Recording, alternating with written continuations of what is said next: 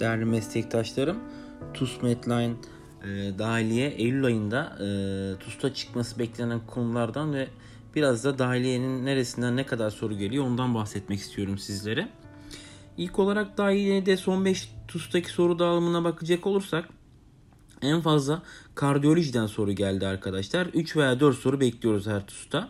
Yine hematolojiden 2, onkolojiden 2, nefrolojiden 3 veya 4, yine göğüs hastalıklarından 2 veya 3, gastroenterolojiden 2 soru, yine hepatolojiyi seviyorlar. Buradan 3 soru geliyor genellikle. Endokrinolojiden 3 veya 4 soru gelmektedir her zaman. Romatolojiden son 5 TUS'ta da 2 soruyu fix olarak sormuşlardır arkadaşlar.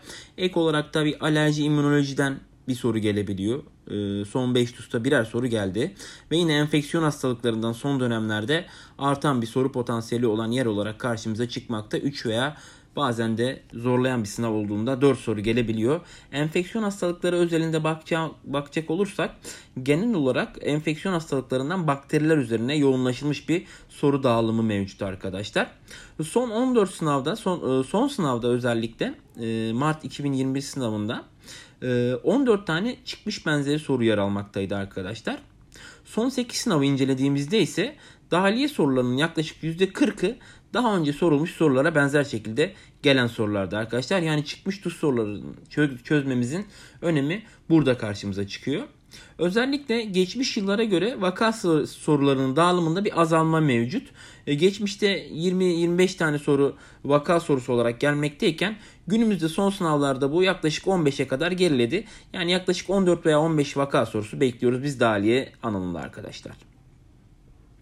Yine e, Mart 2021 e, soru dağılımına baktığımız zaman dahiliyeden hemato ve onkodan ikişer soru geldi. Yine endokrin ve romatolojiden ikişer tane. Alerji ve geriatriden birer tane. Rom, e, hepatolojiden 3. E, göğüs hastalıklarından 3. Nefrolojiden 3 soru geldi. Ve enfeksiyon hastalıkları ve kardiyolojiden ise 4'er tane soru geldi. Son Mart 2021 TUS'unda arkadaşlar.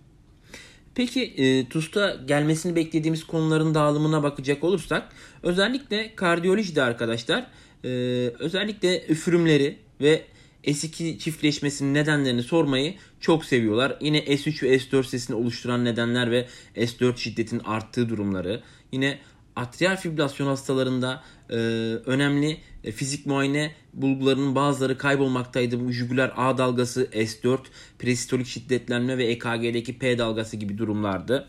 Yine üfürümlerdeki özel durumları çok seviyorlar. Daha önce Carvalho'yu, Brahman belirtisini, Graham Still ve Carey Coombs üfürümünü sormuşlardı. Bu sınavda da Austin Flint üfürümünün gelmesini beklemekteydik arkadaşlar. Yine Gibson üfürümü de PDA hastalarında duyulan sürekli üfürümü tariflemekteydi. Yine MI sonrası komplikasyonlar gelebilecek yerde Dressler sendromu da beklediğimiz geç komplikasyon olarak akut miyokard enfarktüsü sonrasında bir ay sonra ortaya çıkan otoimmün perikardit tablosunu tariflemekteydi ve bu soruyu beklemekteydik arkadaşlar.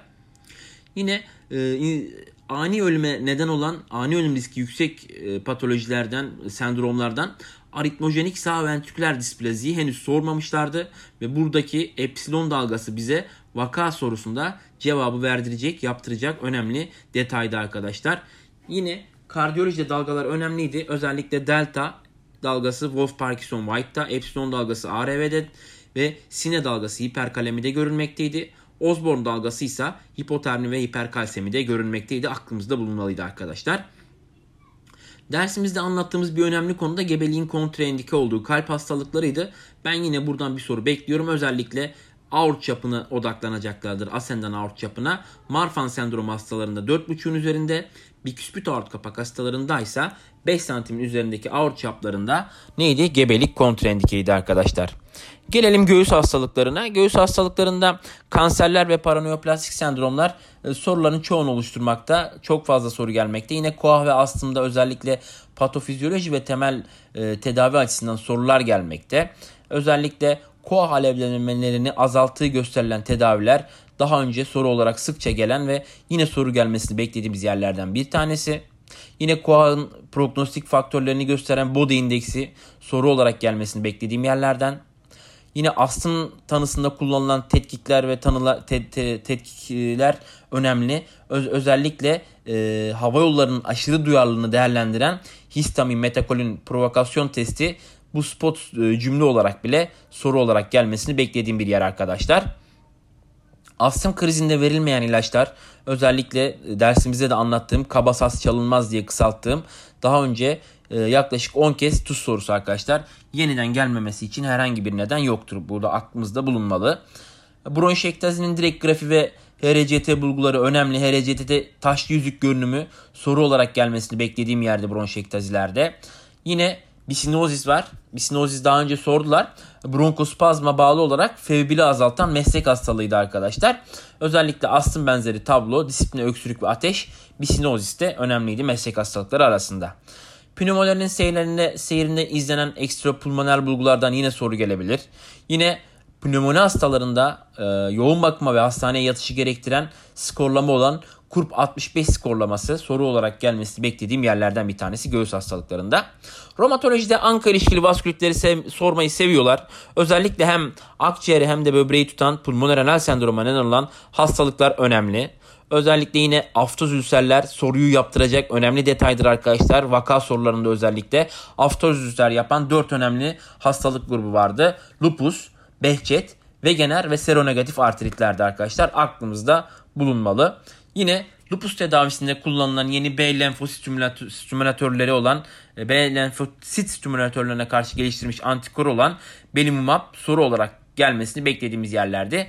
Romatoid artrit tedavisi her zaman soru potansiyeli taşıyan önemli bir yerdir. Özellikle hastalık modifiye eden biyolojik ajanlar, anti-TNF'ler, yine hastalık modifiye eden biyolojik ajanlar arasında non-TNF'ler olan anakinra, abatacept, rituximab, tocilizumab ve tofacitinib özellikle tofacitinib oral JAK1-3 inhibitörüydü arkadaşlar.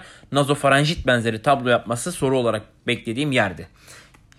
Romatolojiden yine ankilozan spondilitin ekstra artiküler bulguları AAA diye kodlamıştık arkadaşlar. 6 tane A vardı. Anterior vein, apikol pulmoner fibrobillozis, aort yetmezliği, AV blok, amiloidoz ve IgA nefropatisine neden olabilmekteydi. Hatırlarsınız derste bahsetmiştik arkadaşlar. Onkolojide yine kemik ilini süprese etmeyen ilaçlar önemli. Vincristin, Bleumisin, L-asparaginaz ve splastin de arkadaşlar. Şıklarda gördüğümüzde bu dördünün dışında bir şık verildiğinde kemik iliği süpresyonunu yaptığını aklımıza gelmeli diğerlerinin arkadaşlar. Yine pulmoner toksiteye neden olan ajanlar çok fazla sayıda var. Bu dersimde bahsettim bunlardan. Bu da soru potansiyeli taşıyan bir yer. Tromboz gelişme riskini arttıran antineoplastikler her zaman önemlidir. Özellikle bunun önemi nedir? Bu e, neoplasi tedavisinde kullanıldığında bu ilaçlar özellikle yine heparin infüzyonu veya Clexen veya Oxapar'la tromboza profilaksi yapılmaktadır. Bunlar arasında en ünlüsü el asparaginazdır arkadaşlar. Hatırlayalım. Uygunsuz ADH sendromu neden olan antineoplastikler önemliydi. Daha önce sıkça sorulmuştu TUS'ta. Yine soru olarak gelmesini beklediğim yerde. Yeni tedavi modaliteleri var arkadaşlar. Akıllı ilaçlar diye geçiyor bunlar. Küçük hücreli dışı akciğer kanseri tedavisinde önemli yer kaplamaktalar. Yine EGFR mutasyonu ve ALK mutasyonu ve ROS1 mutasyonu olan hastalarda değişik tedavi seçenekleri var. Bunlar da soru olarak gelmesini beklediğim yerlerden bir tanesiydi arkadaşlar. Metastatik kolon kanseri tedavisi de önemliydi. Özellikle ilk yapılacak olan RAS mutasyon analiziydi. Mutasyon varsa veya yoksa farklı tedavi seçenekleri oluşmaktaydı. Özellikle mutasyon varsa da yoksa da kullanılan anti-VEGF olarak da geçen bevacizumab soru potansiyeli taşıyan bir yerdi arkadaşlar. Son e, YIDUS'ta da mutasyon olmayan e, anti-EGFR'si e, pozitif olan hastalarda kullanılan setuximab YIDUS'ta soru olarak gelmişti. Nefrolojide renal tubular asidozlar her zaman soru değeri taşır. Yine uygunsuz ADH sendromu tanı kriterleri ve destekleyici kriterleri e, önemlidir. Ve yine uygunsuz ADH sendromuyla ayrıcı tanıya giren serebral tuz kaybı sendromu da soru potansiyeli taşıyan bir yerdir.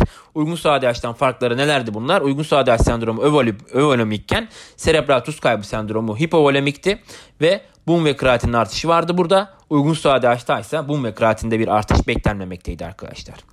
Tuz kaybettiren nefropatiye neden olan etiyolojik etmenler önemli. Soru potansiyeli taşıyan bir yer. Steril püri çok önemli vakalarda vaka olarak geldiğinde soruyu çözdürecek önemli bir detaydır steril püri. Steril püri demek neydi? İdrar kültürü negatif hastada idrarda lökosit olmasıydı arkadaşlar. Dört önemli yerde gözükmekteydi. Tüberküloz, klamidya, intersiyel nefrit ve renal transplant rejeksiyonu arkadaşlar aklımızda bulunsun. Non-oligorik ABH yapan durumlar önemliydi. Kimlerdi bunlar? Kontrast nefropatisi, aminoglikozitler, cisplatin, siklosporin ve amfoterisin B'ydi arkadaşlar. Yine KBH, ABH ayrımında yararlı bazı parametreler vardı. Bunları bilmemiz lazım. Yine KBH yapmasına rağmen böbrek boyutlarının normal veya büyük olduğu 6 tane önemli patoloji vardı. Özellikle diyabet, amiloidoz, miyelom, hidronefroz, polikistik böbrek ve HIV nefropatisi soru değeri taşıyan bir yerdi arkadaşlar.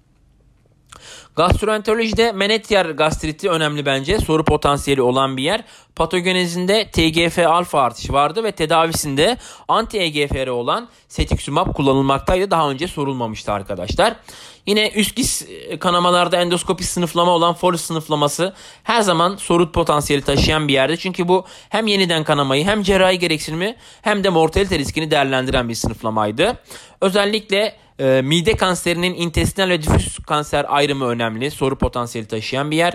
Ve çölyak hastalığında e, glutensiz diyete cevap varsa düzelme nasıl başlamaktaydı? İlk olarak semptomlardan, daha sonra laboratuvar bulgusu, daha sonra seroloji ve en son olarak ne düzelmekteydi glutensiz diyete cevap olarak çölyakta? Histoloji soru potansiyeli olan bir yerdi. Peki glutensiz diyete cevap yoksa çölyak hastalarında ne düşünecektik? En sık olarak diyete uyumsuzluk, en önemli olansa kilo kaybı ve ateş eşlik ediyorsa lenfoma gelişmiş olmasıydı. Arkadaşlar aklımızda bulunsun. Kron hastalığının tedavisi, medikal tedavisi önemli. Yeni iki tane önemli ilaç var. Bunlar sorulabilir. Özellikle anti-integrin, antikor natalizumab soru değeri beklediğimiz yerlerden biri. Ve yine anti-interleukin 12-23 olan üstekinumab Kron hastalığı tedavisinde son basamakta kullanılan iki yeni ilaçtır arkadaşlar. Pankreasta 3 farklı çeşitte kistler vardı. Pankreas kistleri Yudus'ta da soru olarak gelmişti daha önce. Yine soru olarak potansiyel olan gelmesi potansiyel yerlerden bir tanesidir arkadaşlar aklımızda bulunsun. Hematolojide gelebilecek önemli bir yerse anemilerdir arkadaşlar. Anemilerin ayrımını yapmamız gerekiyor ve anemide ne zaman eritrosüspansiyonu vereceğiz, ne zaman eritropoetin vereceğiz ve eritropoetin tedavisinin yan etkileri nelerdir? Her zaman soru potansiyeli olan yerlerdir ve yine pansitopenik bir hastada neye bakmamız gerektiği ilk basamak olarak neye bakıyorduk? Retikülositoza bakıyorduk arkadaşlar. Retikülosit sayısı fazlaysa retikülositozdan bahsederdik ve iki tane önemli patoloji olabilirdi. Biri hipersplenizm, biri de paroksimal nokturnal hemoglobinüriydi arkadaşlar. Retikülositopeni varsa ne yapacaktık? Kemik iliği incelemesi yapacaktık. Kemik iliğinde yağlı hücreler varsa aplastik anemi vardı. Aplastik anemide daha sonra kazanılmış mı Fanconi sendromu diye ayrım yapmamız gerekiyordu. Burada da neyi kullanıyorduk? Diepoksibutan mitomisin C ile kromozom kırıkların artıp artmadığını kullanmaktaydık arkadaşlar. Yine kemik iliğinde e, incelemesinde blastlar olabilirdi. AML tanısı koyuyorduk bu zaman. Displezi olduğunda MDS, fibroz olduğunda ise mielofibrozisten bahsedilmekteydi. Pansitopeniye eşlik eden retikülositopeni varlığında arkadaşlar. Enfeksiyon hastalıklarında size bahsettiğim gibi özellikle enfeksiyon hastalıklarında e, mikrobiyoloji hocanızın da anlatacağı dersler olacaktır. Oralarda özellikle benim size önerim bakteriyolojiye odaklanmanız. Bakteriyolojiden geliyor soruların çoğunluğu. Yine virolojide son dönemde özellikle COVID e, konusunda soru beklediğimiz yerlerden biri de COVID'tir. Bence COVID sorusu gelecektir arkadaşlar. COVID virüsü. E, bunları bilmemizde fayda var. Umarım çok verimli bir sınavınız olur. Çok güzel bir sınavınız olur ve herkes istediği yere yerleşebilir. Herkese başarılar diliyorum. İyi günler diliyorum.